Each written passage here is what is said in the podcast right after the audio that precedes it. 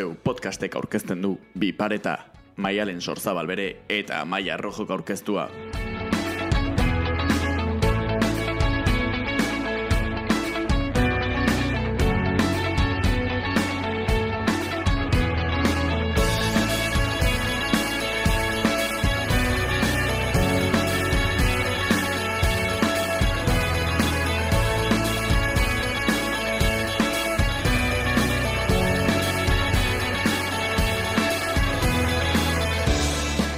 Lipedema esaten badet, badakizu ez zer den, eta fibrosikistikoa, edo fibromialgia, gaixotasunak dira bai, askotan ezkutuan daudenak. Batzuk gaixotasun arraroen kategorian zelkatzen dira. Beste batzuk ordea ez. Larogeiko hamarkadaren hasieran estatu batuetan aipatu ziren lehen aldiz gaixotasun umezurtzak. Hasiera batean izen hori eman zitzaien gaur egun gaixotasun arraro bezala ezagutzen direnei itzalpeko gaixotasun hauek izango ditugu izpide. Arraro bezala kontsideratzen direnak eta ez direnak kontsideratzen baina ez ezagunak direnak. Ezberdintasunak ezberdintasun, ez ezagunak diren gaixotasun hauek badute ezaugarri komun bat. Inbertsio falta. Fibromialgia, lipedema eta fibrosikistikoa gaixotasunak dira ezkutuan dauden gaixotasunetako batzuk. Gaur, pixkat gehiago ezagutuko ditugu. Zer dira? Nola haute daitezke? Nola eragiten diote pertsona baten bizikalitateari?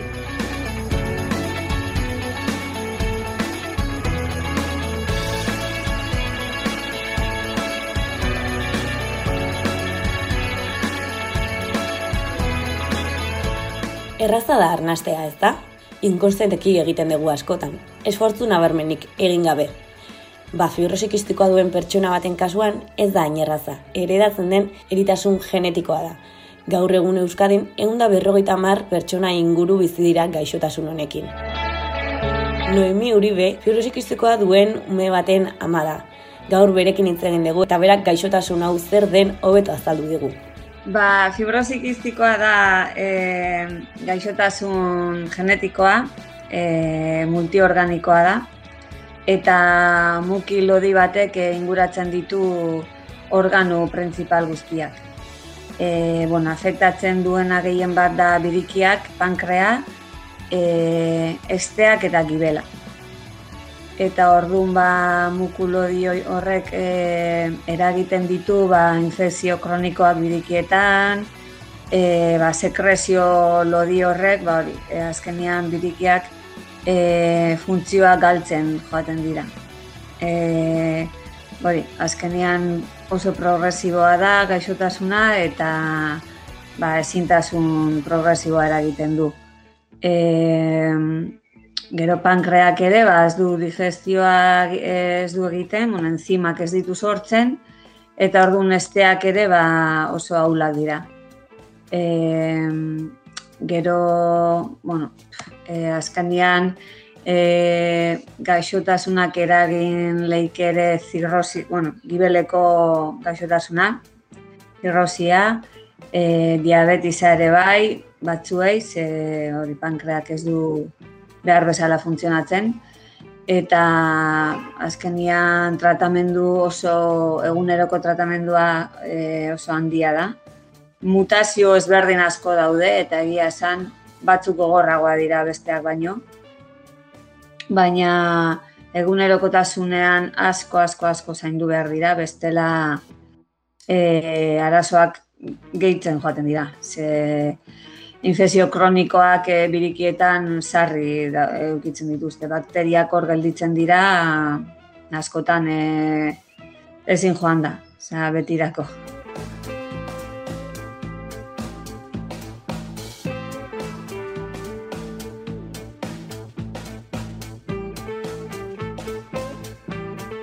Azkenean gaixotasun kroniko bat da eta horrek e, asko murrizten du eguneroko bizi kalitatea edo, edo eguneroko bizita normal, normaltasun baten ego, bizitzeko ze e, denbora asko behar dute, denbora asko tratamendu guztiak egiteko, denbora asko. E, nebulizaz, nebulizadoreak dituzte, gehienak, e, a ber, ez beti, baina bai, ba, e, azkenian denak behar dituzte nebulizadoreak, antibiotikoak nebulizatu da. Eta horrek den, bere denbora behar du, gero salino hipertonikoa egin behar dute antibiotikoak egin aurretik, eta horren aurretik fizioa, arnaz fisioterapia, ba, antibiotiko hori ondo sartzeko birikietan. Bestela azkenian alperrikoa izaten da.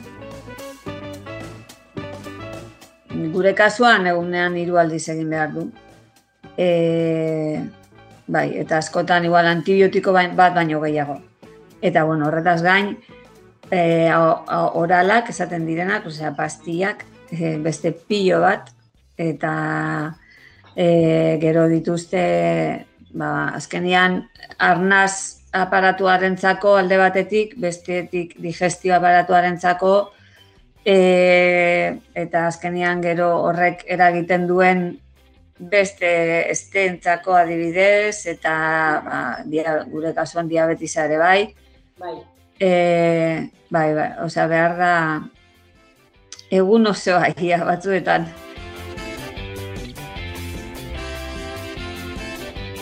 Ba, kaftre azkenian, e, claro, e, fibrosikistikoa da, ez, bueno, CFTR proteina kodifikatzen duen genean mutazio, bueno, mutazio bat batek eragiten du, mutazio ezberdinak, e, zazpigarren kromosoman esateko. Eta kaftrio, ba, esan daiteke proteina horren kontra doala. Orduan gaixotasuna gutxika gutxika murrizten joaten da. E, gaitasun hori daukaz dakite izan da egia esan kriston e, aurrera puntza. Aurrera pausoa totala, kastre bai.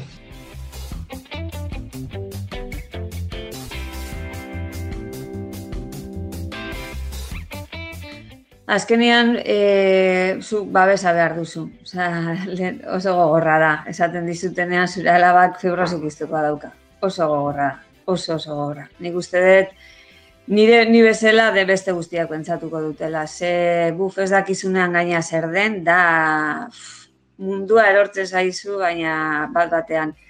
Eta nahi duzu babesa, eta nahi duzu laguntza, eta ze bestela ez daukazu laguntzatik, salduta zaude. Ez dago laguntzatik. Gaina, gaixotasun ikuste zina bezalakoa da. Osa, ez da nabaritzen askotan fizikoki ordun, gauza batzu lortzeko oso zaila da, oso zaila da. Eta elkartearen bidez, ba, baditugu ba, behar diren laguntzak, edo, bueno, bentsat horretan gabiltza, borrokatzen, ba, gauza hori lortzeko. Eta garrantzitua da, bai, bai, arnasa guretza da, gu bizi gara, e, bai, gaixotasunarekin, baina gero arnasari lotuta, bai, bai, bai gure bete beharran ikuste hori dela, arnaza, arnaza, denok arnazari laguntzea eta arnaza izatea bai.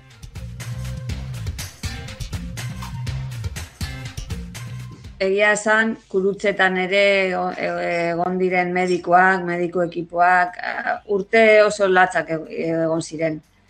Eta gero gurasoen elkarte arnaza hasi zenean, bueno, lehenengo zela fibrosikistikoaren mukobizidosis deitzen zen ere, ze horrela ere deitzen da.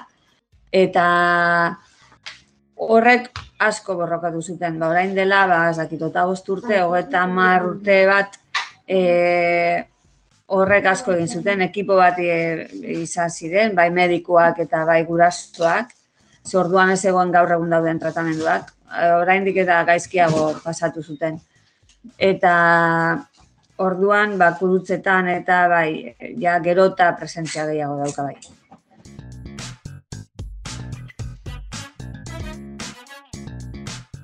Fibromialgia eta neke kronikoaren gaixotasuna ezagutzen. Gorputz osoan mina, nekea eta beste sintoma batzuk eragiten dituen afekzio kronikoa da. Fibromialgia duten pertsonek minaren pertsepzio anormala izan ohi dute. Zer esan nahi du horrek, ikertzaiek uste dute fibromialgiak areagotu egiten dituela minaren sentsazioak. Garunak eta bizkarrez zurmuinak minaren eta minik ezaren seinaleak prozesatzeko moduari eragiten diolako. Fibromialgia pairatzen duten pertsonek niki iraunkorrari eta loez konpontzaiari egin behar diote aurre.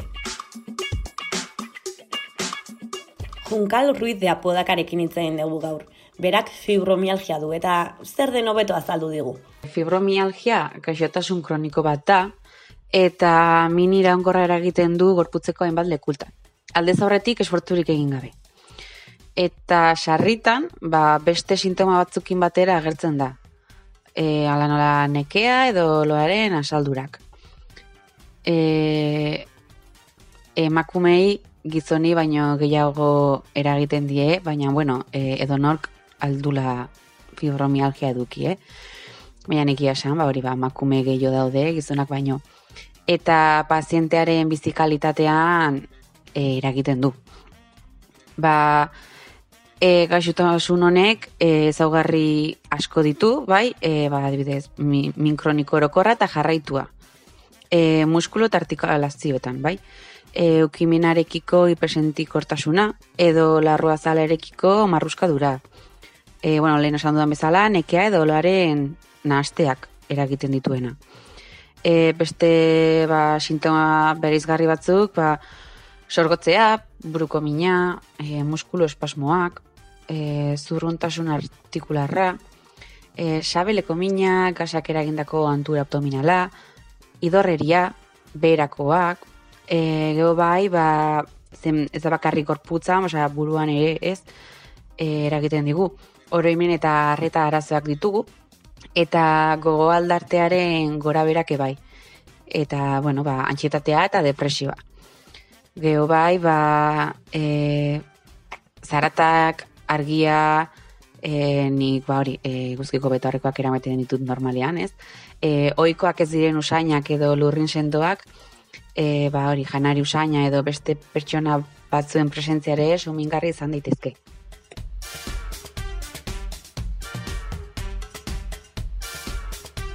Fibromialgia gaukitzeak ez, e, ba, biz, bizi estiloari ba, asko eragiten du.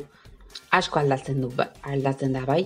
E, ba, askotan eta normalean ez, e, kipoi bat emango baliate bezala sentitzen zehalako, bai, bakarradu txikian edo garratu handian edo asko esaten duten bezala e, gripea izango bazenu bezala, ez? Orduan, e, ba, nekea, minduta, ez? Ba, horrela zaude egunero. Bai, hori, ba, segun gradua, baina nire kasuan, ni egunero, ni ja, e, nekatuta eta minakin altxatzen naiz. Orduan, e, ba, bueno, ba, hori, ba, hor planteatu behar duzu ja, e, pues, eguneroko e, gauz horiek ez, e, baldoratzen ez dituzuen gauz horiek, e, ezin dituzula berdin egin, ba, arrapa zintzelikatu, erratza pasa, platera garbitu ez, e, gauz horiek minara egiten diate eta nekea. Edo ba, burua garbitu, edo sukaldatu, edo josi. E, eguneroko ekintza horiek, bai, e, ba, niretza sufrimendua dira. E, edo ba, ezakit bai, azkenean, ba, nik hori hogeita sortzi urte ditut, e, ba, nire lagunak orain e, ikastere lanean daude, ez? Eta bizitza askosatzen. Eta nik ez ditut gauzo egin. Edo bestela, eta egiten baditut izan bar dira, ba, ba, bueno, ba, eskala txiki batean, ez? Oso txikian. Ba, adibidez, ba, ikasteko, ez? E, ikasten hasten naiz, bai, kutxoren bat, baina beti bukatzen ditut. Zergatik, ba, bai fisikoki ero, edo burua ba, e, gaizki jartzen naizelako, ez? E, mina aukitzen dut edo ez, ezin dut arreta mantendu. Ezin dut e, ikasten ari naizena gero buruan mantendu, ez? Orduan oso zaila da hola zerbait ikastea. Edo e, lagunekin elkarrizketa batean, eh? lagunekin zerbait hartzen egon eta ba, e, ezin dut arreta mantendu eta ez naiz oraitzen ez daki, ez daki zertan ari garen izketan. Txorrak dirudite ez, e, baina eske egunero nabaritzen dugu e, ba bueno, ba fisikoki edo mentalki e, ez, gare, ez garela gai edo edo beti dagola tope bat, ez? Osea, ze azkenean e, lan egiteko orduan adibidez, ba nik e, ezin dut lan egin. Zen, azkenean, e, ba, burua garbitzen bardet, ez, adibidez, Gero etzan behar naiz, deskantxoa behar dut. Deskantxoa behar dut. Edo, e, pues hori, ba, erratza pasatzen dut, alba dut, edo, ba, hori, ba, platera garbitzen baitut, deskantxatu behar dut, eta be, batez ere besoak zen hor ja, e, nire eguneroko ariketa egin dut. Osea, nik o, niretzat hori, osea, egin behar ditugu egunerokotasun gauzoiek, bai, eh, uste duguna egin behar ditugunak, e, niretzat ja esfortzua da, eta e, egin beharreko zerbait da, baina sufritzen.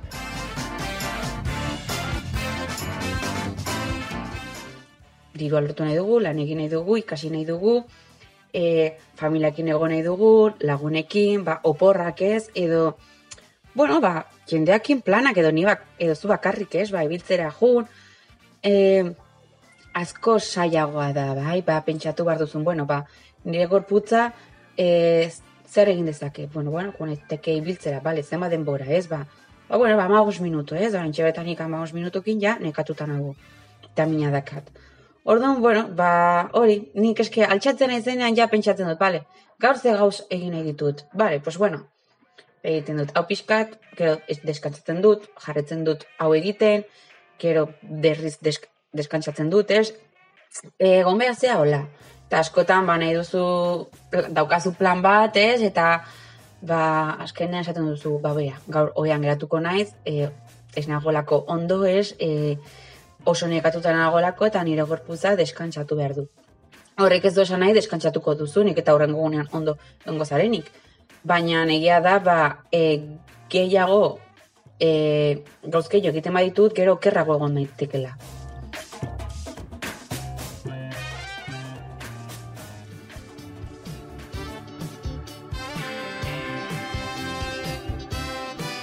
Tratamendu finko bat ez dago, ez? E, azkenean e, gutxi dakite fibromialgiari buruz, ez, e, osakidetzak, e, oiko medikuntzan, e, ba, bueno, ba, ez dago proba bat esaten duna hori fibromialgia daukazula, ez dakiten ondik handatorren, gero, ba, pertsona bakoitzak e, sintoma ezberdina diktu, eta gainera ere, e, kimikoak ez, e, ematen diguten medizina horiek, egutela ezer egiten eta gainera e, okerrago jarri aldi gute, bai? E, orduan, kontu handiago bar du gorrekin.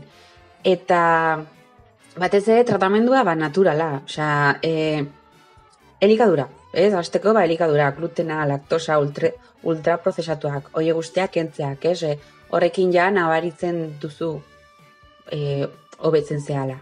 Osea, nire kasuan gutxienez, eh? E, ba, gero, ba, bueno, ba, adibidez, e, nik ka estretxe egiten dut, ez, ba, luzak eta kaskenean gorputza mugitu behar dezulako. Osea, e, denbora asko pasatzen dugu oean edo deskantzatzen, ez, eta gorputza mugitu behar da, baina ere esfortzu handia egin gabe orduan, ba, daude, ba, bueno, ba, taktikas berdinak, ez, ba, kastretxeen luzaketak egin ez, baina, bueno, poliki-poliki, pixkat ibitzea egunero, pixkat mar minutu izaten badia, ba, mar minutu. E, gero, pues, masajeak, ez? Pues, hori ni, pues, gero, psikologora jute naiz.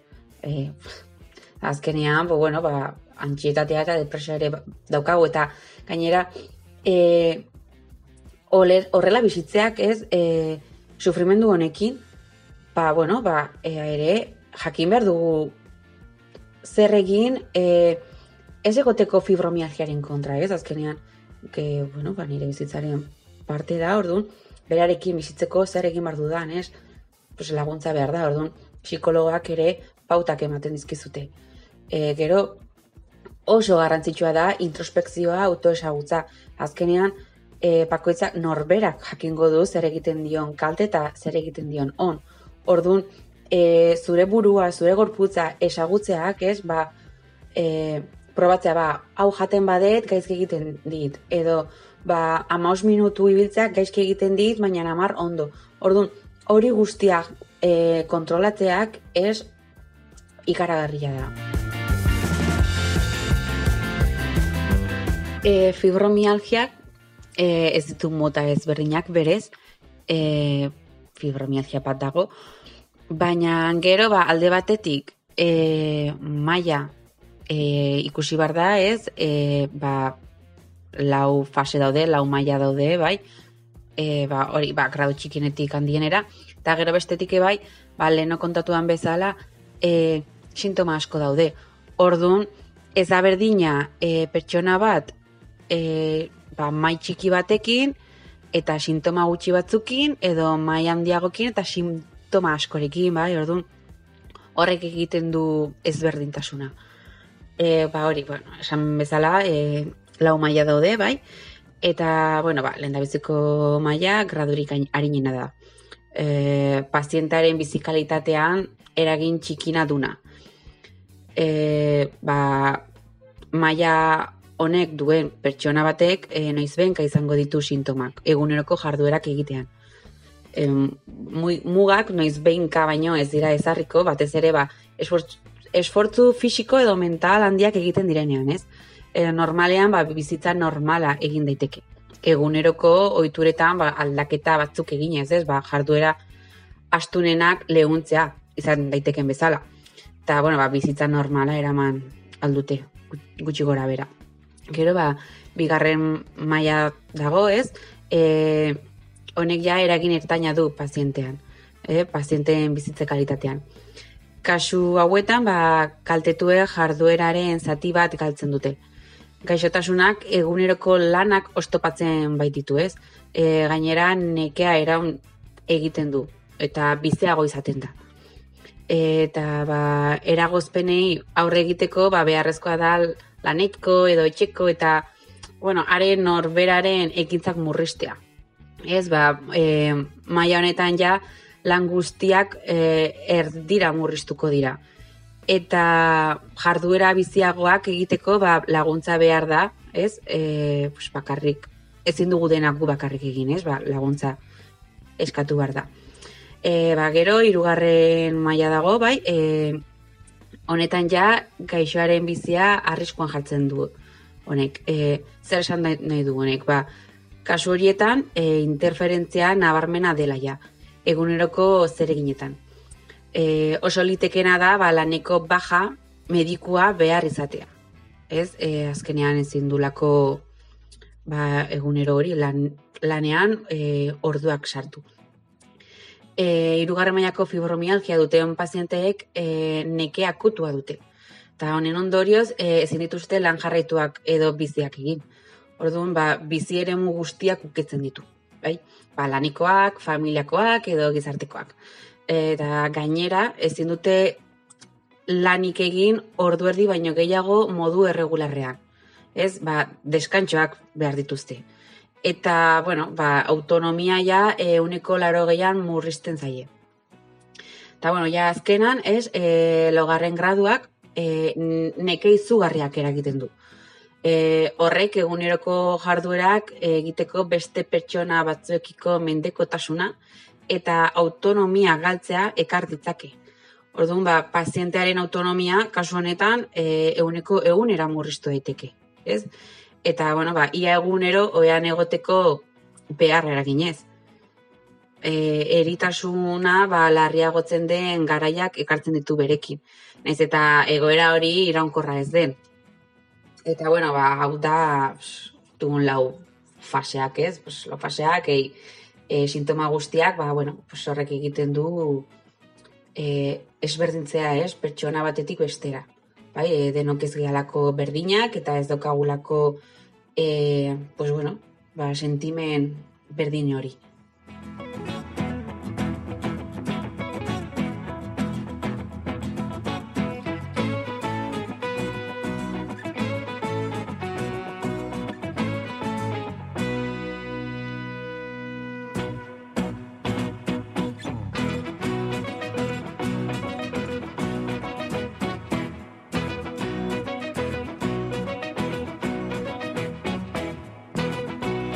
Elkarteak e, oso beharrezkoak dira, bai, egiten den lanangatik oso ona eta, bueno, ba, eske, kriston laguntza ematen dutelako.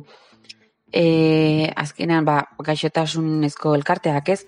E, elkarteak egiten duna da, ba, alde batetik bisibilitatea, ez? E, hori, ba, leku ezberdinetara jun, ba, jendea jakin dezan, e, gaixotasun hauek existitzen direla, bai, eta bueno, zer diren, e, nola sufritzen dukun, eta zer egin daiteken, bai, ba, azaldu munduari, eta bestetik bai, ba, e, pazientei ez guri lagundu, Azkenean, ba, gu adibidez, elkartean e, profesional ezberdinak ditugu, ba, adibidez, psikologoak, seksologoa, abokatua, e, gizarte langilea, e, bueno, ba, osteopata, kastretz irakasleak, bai, e, profesional ezberdinak ditugu. Orduan, zu ja e, elkartera iristen zeanean, ba, hor gizarte langileak ba, asaltzen dizu, ez? E, edo, bueno, pues, voluntario, dauden voluntarioak ebai, e, bueno, zer den zure gaixotasuna, e, zer egin dezakezun, e, horra saltzen dizute ba, bakarrik ez daudela, ez, gero bakide gehiago daudela zu bezala, orduan behaiekin ere hitz egiten duzu, eta ba, hola sentitzen naiz, ba, nie, bai, joe, ba, zein ondo ulertzen nauzula, ez, bestela, e, hortik kanpo dirudi askotan bakarri zaudela, ez zaiztulan inork ulertzen. Osa, saiatzen dira askotan, edo, edo ez. Ez, nire kasuan, ba, nire jendea, ba, ni kriston, na, egia da, sortea dakat, e, apoi ikaragarria daukadala eta alduten guztia olertzen hauena eta laguntzen hautena, baina badago jendea e, bakarrik sentitzen dienak.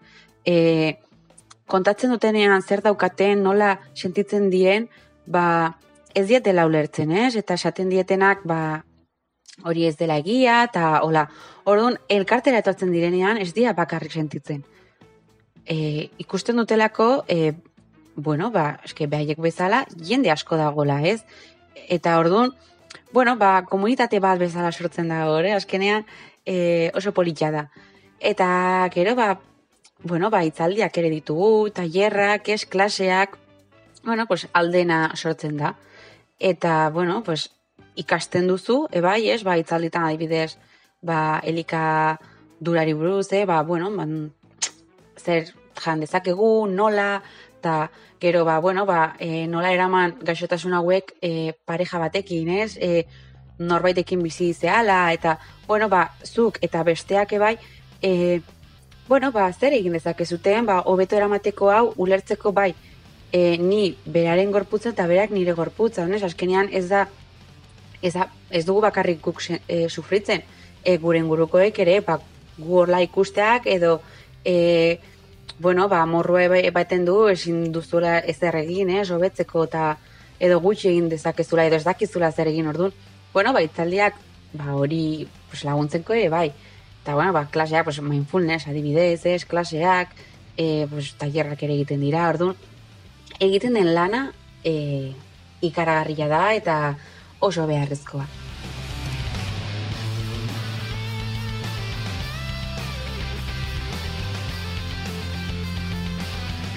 Ba, gaixotasunei bisibilitatea eman behar dugu, bai. E, azkenean ez delako gai bat e, mm, asko hitz egiten den. Edo idazten den, eta e, bueno, ba, gaixotasunak bakarrik hitz egiten da, pues, momentu puntual batzutan. Baina e, oportunitatea hau izatea, ba, podcast batean hitz egitea ez, ba, fibromialgiari buruz, e, zer den, e, zer egin daiteken edo nola den gure bizitza egunean zehar, ez, egunero, ba oso garrantzitsua iruditzen zaizen. Hola, gainera, e, nire ustez, e, gazteek batez ere, e, bueno, ba, erraxago da beraien gana iristea, ez, gazte, gazteen gana. Eta, batez ere gainera, e, bueno, ba, gu lortu nahi deguna da, ba, fibromialgia, ba, jendea esagutzea, ez, e, ba, minbizea den bezala edo beste gaixotasun asko, baina e, zoritxarrez, kaixotasun asko e, ikusezinak dira, bai? Orduan, bueno, ba, alden erramenta guztiak hartu behar ditugu, eta, bueno, ba, eta horri buruz hitz egin, ez? Belduri gabe eta lotxi gabe.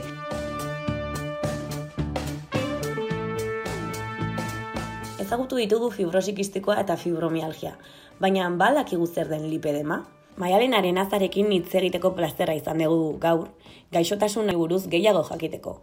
Lipedema munduko osasun erakundeak 2018an onartutako gaixotasuna da.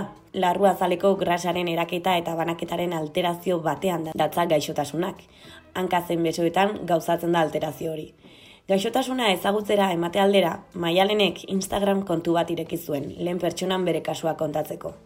Baina nola jakin zuen maialenek lipedema zuela? Ba, egia esan nahiko bitxia da nola eukin nun nik lipedeman berri, Ze, bueno, ni e, dantzaria naiz, urte asko euskal dantzan ibili naiz, eta errenterian, horeretan, egiten dugu urtero, ekainaren hogeita iruan, San Juan zubezperako soka dantza. Eta, ba, bueno, bertan dantza nahi nintzala, herriko emakume batek amaiak dantzan ikusi nindun. Eta, bueno, amaiak lipedema dauka, eta dantzan ikusi nindunean, nire hanken formai erreparatu zion, eta nahiko karakteristiko e, neuzkan nik hankak lipedema, lipedema eukitzeko edo itxura hortan, ez? Orduan, bueno, amaiak e, indarrak batu zitun pixkat, ze, bueno, inoiz ez da erreixa pertsona gana joatea esateko aizu ba uste dut e, hau eukidezakezula, ez?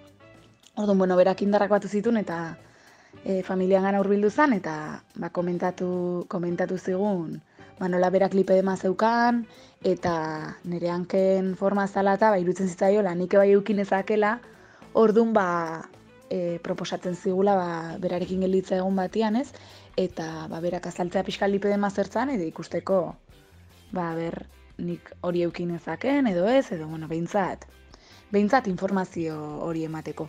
Eta hoxe izan zen nire lehenengo kontaktua lipedema hitzarekin, ba, duela iru urte gutxi gora bera, e, 2000 emeretziko ekaina ustet izan zala.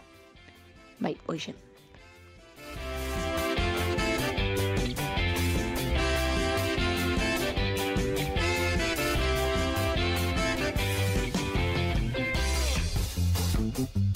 Ba, sintomei dagokionez, e, ola modu orokor batean aipatuta ze pertsonak ezberdinak bezala lipedema graduta maila ezberdinetan eman daiteke, orduan sintomatologia ezberdina izan daiteke eta edo maila ezberdinetan eman daiteke pertsona bakoitzan gan.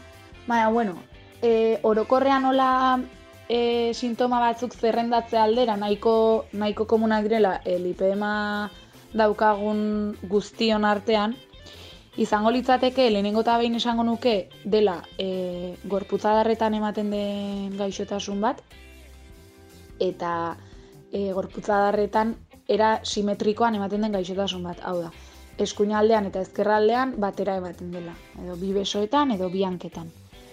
E, hori hasteko eta bueno, e, lipedema azkenean izanik gaixotasun bat nun zure e, sistema adiposoan edo e, badagoen hor zati bat egiten dena grasa modu batea estankatu edo eta eta ez dena mugitzen bertatik, ba horrek sortzen du e, puztutasun bat, sortzen du astuntasun sentsazio handi bat eta e, maila ezberdinetan ba horrek eragin dezakena adibez mugikortasunaren zailtasunean bai beso zein zeinanketan. E, bada beste sintometako bat lipedema dagon zonetan ukitzeari edo e, mina, ukitzen dugunean mina, mina sentitzea. E, ubeldurak ere oso modu errazean azaltzen dira. E, gorputza taloiek txingurritzeko txingurrit, askotan txingurritu egiten dira, errestasuna errestasuna dago e, txingurritzeko garaian ez, ze azkenean hor e, obstrukzioa dago hori guztia eragiten duena. Hori sentsazio aldetik edo, eta gero ba, nahiko agerikoa da e, lipedema daukagun pertsonek e, gorputzataloietan daukagun itxura edo ez.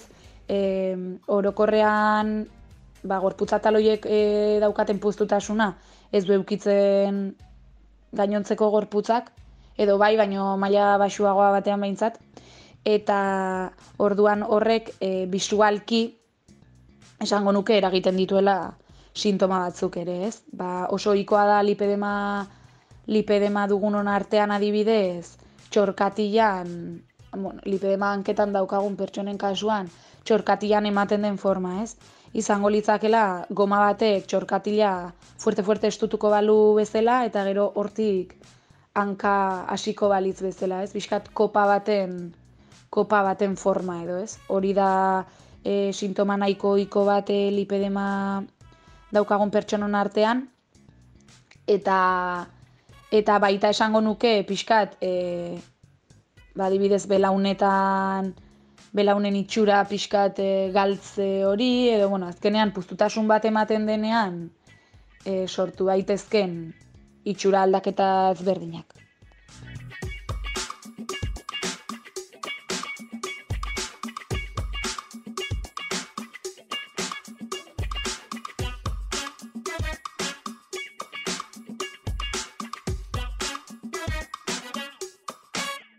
Ba, bueno, lehen esan deten bezala, e, graduta maila ezberdinak daude, orduan e, oso modu ezberdinetan eragin diezazuke lipedema zure egunerokotasunean, ez? Ba, dibidez, e, gradu altu bat daukan e, pertsona bati, posible dio eragotzi mugikortasuna, eta gradu baxuago batean daukan daukan norbaiti, ba, ba, igual sortzen dion, sortzen dion minaren arabera edo psikologikoki e, ezartzen dizkion zailtasunen arabera, ez?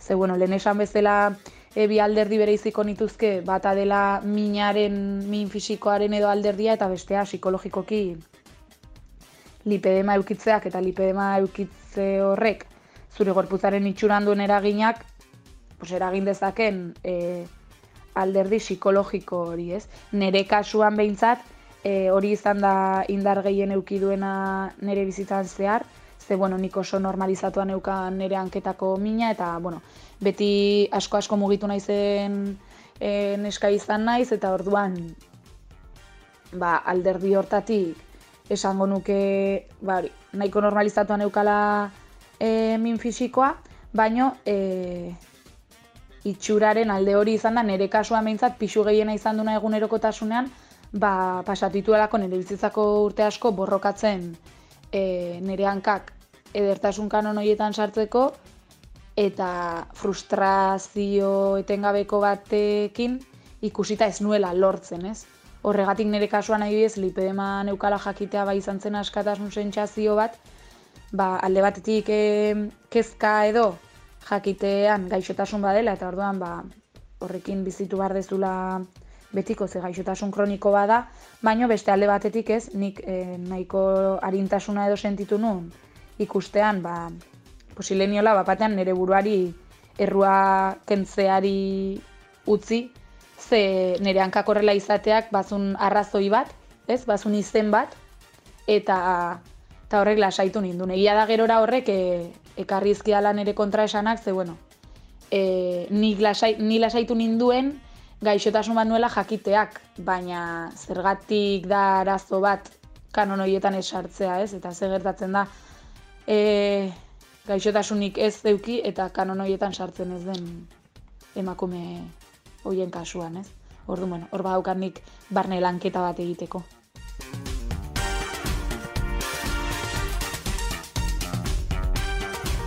Ba, osasun zerbitzu publikoa idagokionez, ba, bueno, pixkanaka, pixkanaka badaz lipedema pixkat gehiago aintzat hartzen, e, egia da, zorionez, baduela bi urte edo hiru urte ingurutik edo esango nukenik, gehien bat, ari dela e, lipedema gaixotasunaren izena zabaltzen eta ezagunagoa egiten, ba, e, emakume asko eta asko, e, horren alde borrokan dabiltzalako edo gabiltzalako, eta orduan horrek egiten du ba, gaixotasuna ezagunagoa izatea, ez? Bai gizartean, baita e, osasun osasun zerbitzu publikoko, bueno, orokorrean osasun zerbitzuko langileen gan, ez? E, ni lehenengo aldian adibidez nire medikoaren gana jonunean lipedeman inguruan hitz egitera, e, nire medikoak etzekien zertzen. Orduan, bueno, nik suerte eukinun, ze oso ondo portatu zen nerekin nere medikoa, e, prest azaldu zen, ba, lipedema zertzen e, jakiteko, eta nik beharrezkoan eukan hori ematen saiatu alizateko, ez? E, Baina, bueno, badakit nerea kaso nahiko aislatua dela, ze, bueno, lipedema duten emakume askoren kasuak entzun ditut, non, non etzekiten lipedema zertzen medikuek, orduan e, ez dituzte tratatu eta eta ez dizkiete beraien e, bizikalitatea mantendu alizateko beharroiek e, eskaini edo ez, osasun zerbitzu publikotik. Ba, bueno, pixkanaka badoaz, pixkanaka e, ezagunagoa egiten doa, baina, baina egia da, ba, oraindikan lan asko, asko, asko dagola egiteke, e, ba, adibidez, eskaintze, esango nuke orokorrean, lortzen badezu iristea osakidetza aldetik, edo e, osasun zerbitzu publikoan aldetik diagnosi bat eukitzea, behin hori lortzen dezula, e, osakietzak eskaintzen diguna da. Urteroko errebisio bat, hau da urtean behin, ikusten gaituzte rehabilitadoreek, eta bueno, hanken neurriak hartzen dizkigute, eta ikusten digute zuen muzgoa zen. E, zortea balin badakazu, e, drenaje edo drenaia, drenatze linfatikoak errezetatzen dizkizute, baina, bueno, e, diote e, pertsona asko, asko, asko dagoela e, dreinatzeak edo behar dituena edo edo errehabilitaziora joan behar dena, orduan prioridadeak daudela eta oso gutxitan emateute aukera dreinatze horiek egiteko, ez bada oso oso gaizki zaudela. Eta gero e, rezetatzen dizkigute urtean bi media neurrira egindako bi konpresiozko media pare. Urte osorako bi.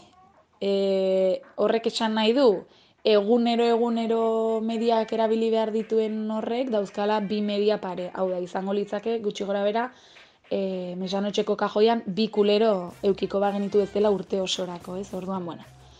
E, oso media garestiak dira, e, uste dut prezioa goela laureun inguruan edolako zerbait, zakit, garantzitsua iruditzen zaite pixkat haue bai mai gainean jartzea, ez? E, ze prezioa daukaten media horiek eta eta ba, pixkat jakiteak osakidetzak ze hartzen duen bere gain, ez? Eta gero, bueno, zer esanik ez, e, ebakuntzari dago, dagokionez, ze e, osakidetzak ez du bere gain hartzen e, lipedemaren ebakuntza, e, gradu, ez da gradu batean.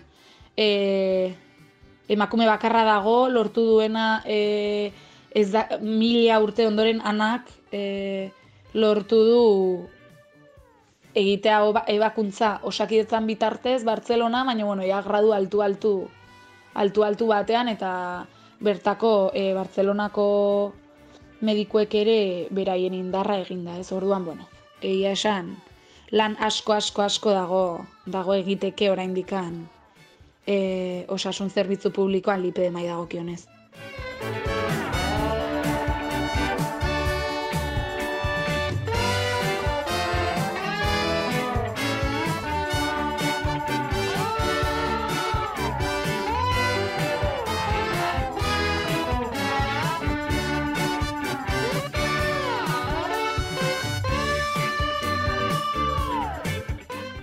alternatiba horrena zein dan, ba, nik esango nuke zure poltsikoak permititzen dizun oro. Ba, zu treinatze linfatikoa kastean behin behar badituzu, baina hilabetean bakarra ordaindu badezakezu, ba, ba hori izango da eukiko duzuna. Berdina gertatzen da konpresio mediekin.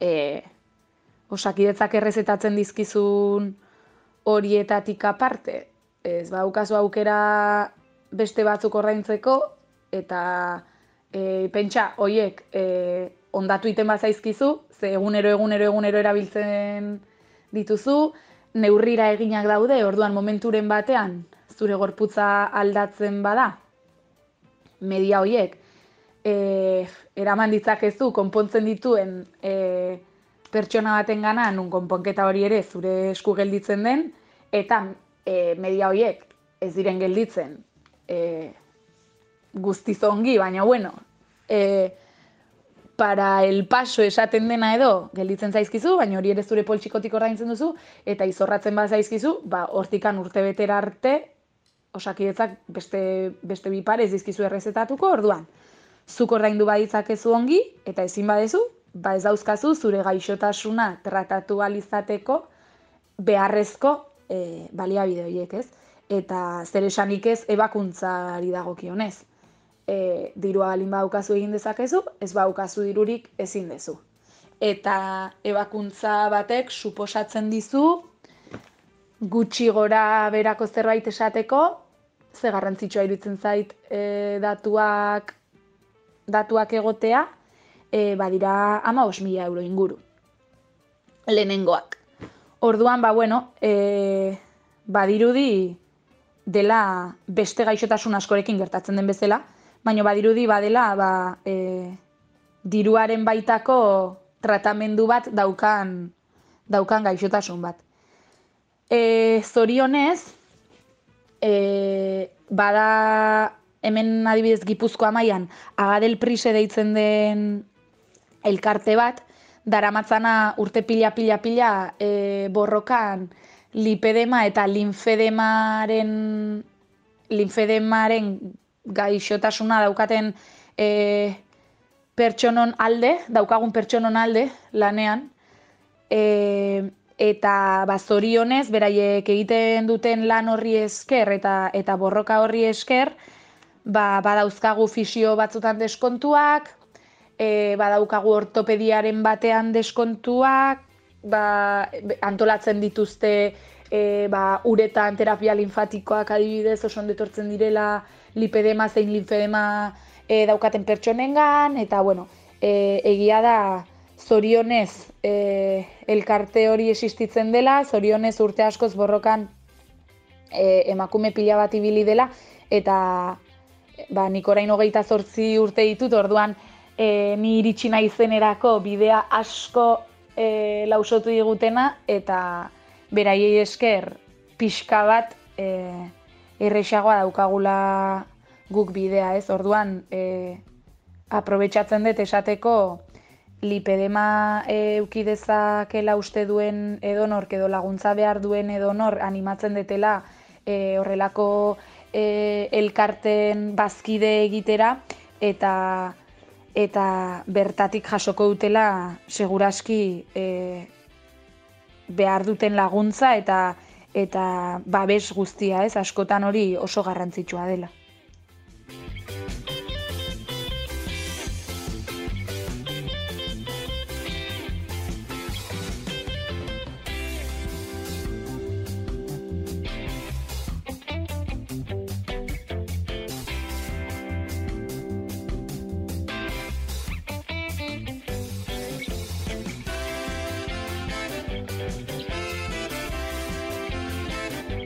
Ba, lipedema eta ni da, nik lipedemarekin bizitzen deten guzti hori e, kontatzen deten Instagram kontuaren izena. Eta, bueno, erabakin nun Instagram kontu hori irikitzea ze, nik lipedema neukala jakin nunean, asko-asko lagundu ninduen beste emakumeen, lipedema zuten beste emakumeen esperientziak irakurtzea, eta eta asko lagundu nindunez, pentsatu nun, ba, e, ausardia puntu hori atera zitzaidan, eta pentsatu nun, nik nire historioa kontatuta eta nire esperientzia kontatuta, ba, agian ere, e, aukera eukin ezakela beste emakume batzui laguntzeko. Eta hain garrantzitsua irutu zitzaidan, e, lipedema zabaltzeko egiten den lan hori, ba, pentsatu nula nik ere alnun guztia in nahi nula lipedema zabaltzeko bide hortan, ez? Eta ordu nirekin un Instagram kontu bat, ba, nire lipedemarekiko harremana kontatzen duna pixkat. Eta e, beste arrazoietako bate kontua irekitzeko izan zen, e, ez dagoela, edo ordura arte behintzat ez egola inungo informaziorik lipedemaren inguruan euskeraz. Eta garrantzitsua iritze zitzaidan ere, e, egoteko egotea e, aukera lipedemaren inguruan informazioa jasotzeko euskeraz. Ta bueno, pixkate horren horren arira irikitzea lortu nun eta eta bueno, kostazitzaidan ze e, nahiko lotxatzen nindun e, argazkiak eta bar berezikin nere nere hanken argazkiak eta bar e, bertan jartzea eta hausnarketa bat edo beste ere bertan jartzea, baina bueno, iritzen garrantzitsua zala e, hori egitea, ze nire helburua zen, bueno, honekin behintzat pertsona bat til, e, pertsona bat laguntzeko e, aukera balin badaukat, ba aurrera, ez? Eta egia esan, ba, e, konturatu naiz, ba, jende asko e, eskertu dula esperientziari kontatzea, eta eta jende asko reflejatua ikusi dela igual nire esperientzian, eta hori dela eta jakin izan dula berak ere bai lipedema daukala, orduan, ba, bueno, e, hoxe izan da pixkal lipedema eta ni sortzearen bidea edo ez. Ba, gero bide hortan gauza politak bai pasatu zaizkit, ba, e, alai artekin e, batera sortu genuen irudi bat, e, esaldi bat lotua doan, aba pixkal lipedemaren zabalkuntzarako edo ez, berak primeran e, ulertuzun nik lipedema nola bizitzen zuen eta ilustrazio bat sortu zuen horrekin, e, esaldi bat jarri, jarri geniona, esaten duena e, izena jarri zionean, bere begiak zabaldu eta gainontzekoenak itxi ziren, ez? Ba, pixkal lotua di joala, e, norberaren buruari kulpak, kulpak jartze, jartze horrekin, ez? Eta, eta gauzei bere izena, gaixotasunei bere izena jartzearen e, balio horrekin, ez? Eta, bueno, gero, ez dakit jende politaskoren e, ekintza oso politak burutzen jundia nahi gabe bertatik, eta eta ia esan kontentu nago hartutako erabakiarekin.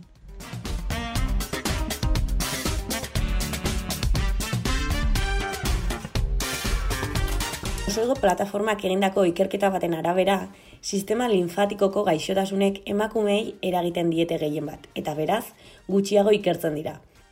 Horregatik, Euskal Autonomia Erkidegoko hiru hiriburuetan ikerketa gehiago eta linfedema eta lipedema unitateak sortzeko eskaera eginda.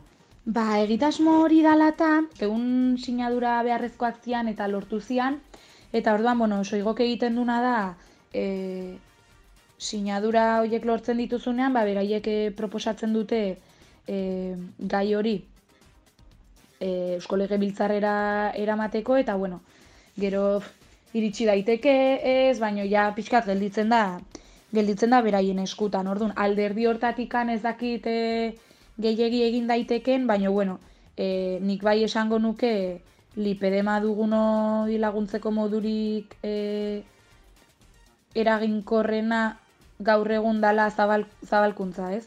Ba, e, lipedemaren izena zabaltzen laguntzea, ba, bai hau zao, edo bai sare sozialen bidez edo dena delakoa. Zazkenean geroz eta ezagunagoa egin, ba, geroz eta jende gehiagok jarri diezaioke izena bere gaixotasunari, eta eta horri tiraka, ba, e, osasun zerbitzu publikoak ere, espero dezagunez, ba, e, geroz eta atentzio gehiago jartzea honengan eta eta gure bizikalitatea ehobeagoa izan dadin e, aurrera pausoak ematea.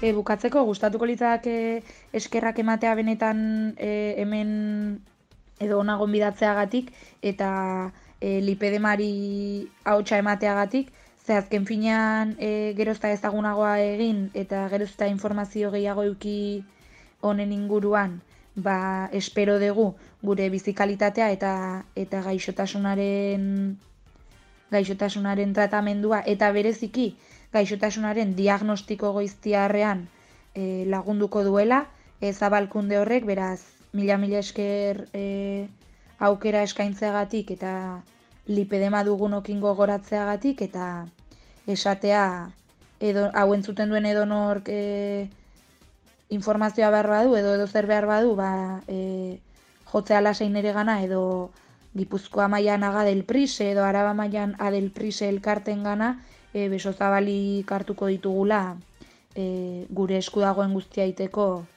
e, pertsona haue, hauen bizikalitatea hobetzeko eta hoxe, mila mila esker eta nahi dezuen arte.